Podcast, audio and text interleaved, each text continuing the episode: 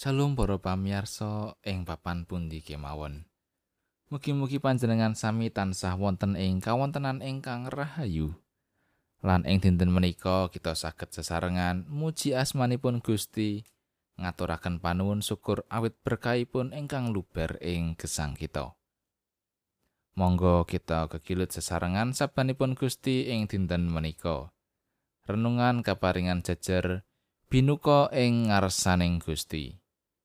Saderengipun kita maos kitab suci kita, monggo kita ndedonga sesarengan. Doalah pangeran ingkang Maha Welas. Matur nuwun Gusti, sih rahmat paduka tansah kawula raosaken ing sauruting gesang kawula. Ing wanci ingkang mirunggan menika Gusti, kawula sumadyo nampeni sabda pangandika paduka. Mugi rasa suci mbikak manah kawula. Supados kaget mangertosi kersa paduka lan kawula nindakaken ing gesang patintenan. Matur nuwun Gusti, kawula ngrumaosi minangka tiyang ingkang kebak ing dosa. Mugi paduka kersa paring pangaksami. Wonten ing asmanipun Gusti Yesus Kristus. Amin.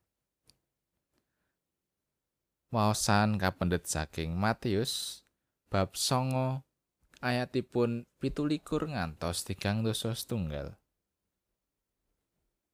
Injil Matius bab songo ayatipun pitulikur ngantos tigang dosa setunggal. Nalika Gusti Yesus nglajengake tindake saka ing kono, ana wong wuta loro padha nututi lan nguwuh-uwuh unjuke. Do tedhakipun Sang Prabu Dawud, kawula mugi paduka welasi. Bareng Gusti Yesus wis lumebet. Ing dalem wong wuta mau padha ngadep ing ngarsane tumuli padha dipangandikani dening Gusti Yesus. Apa kowe padha ngandel yen aku bisa nindakake mangkono? Atur wangsulane. Inggih Gusti kawula sami pitados. Banjur padha ditumui mripate sarta dipangandikani. Padha katekano kaya kang dadi pangandelmu mripate banjur kaalekake banjur padha diwanti-wanti. Pomo aja nganti bab iki kaweruhan ing wong. Ewa semono saundure tumuli padha nyuwurake panjenengane ana ing sawratane tanah kono kabeh. Mangkatan pangandikanipun Gusti ayat nats inggih menika ayat 29 banjur padha didumuk mripate sarta dipangandikani padha katekano kaya kang dadi pangandelmu. Minangka titah, kita ngrumaosi bab kawontenaning gesangipun manungsa ingkang sarwa winates. Mboten sedaya perkawis saged kita adepi lan kathah bab ingkang boten saged kita rampungaken. Ewa semanten manungsa sampun ngantos nglokro, menapa malih lajeng kendel lan boten purun tandang damel.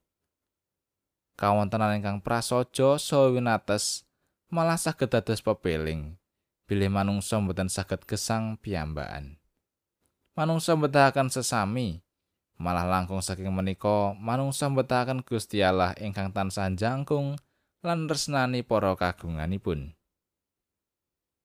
Pancen namung panjangkung so katresnanipun Gusti Allah ingkang saged njalari manungsa ngrumaosi bilih gesangipun menika pancen winates.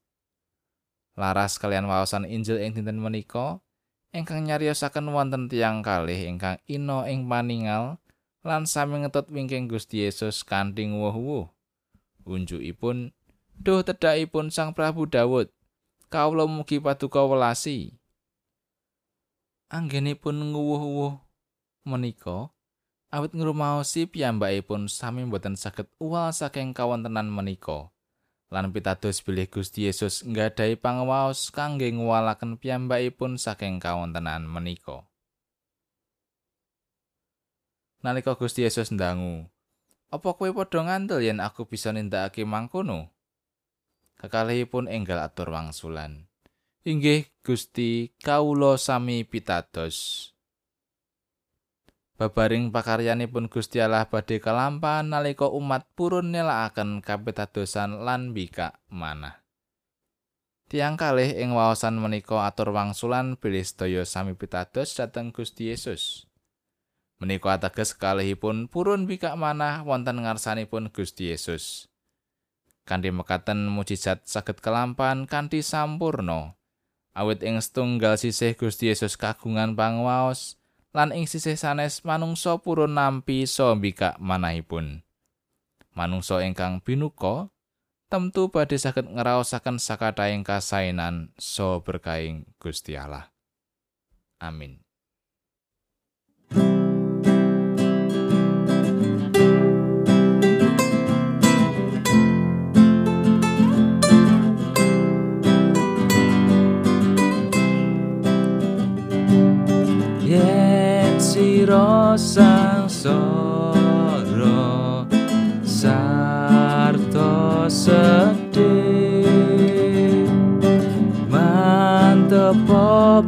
빠져요.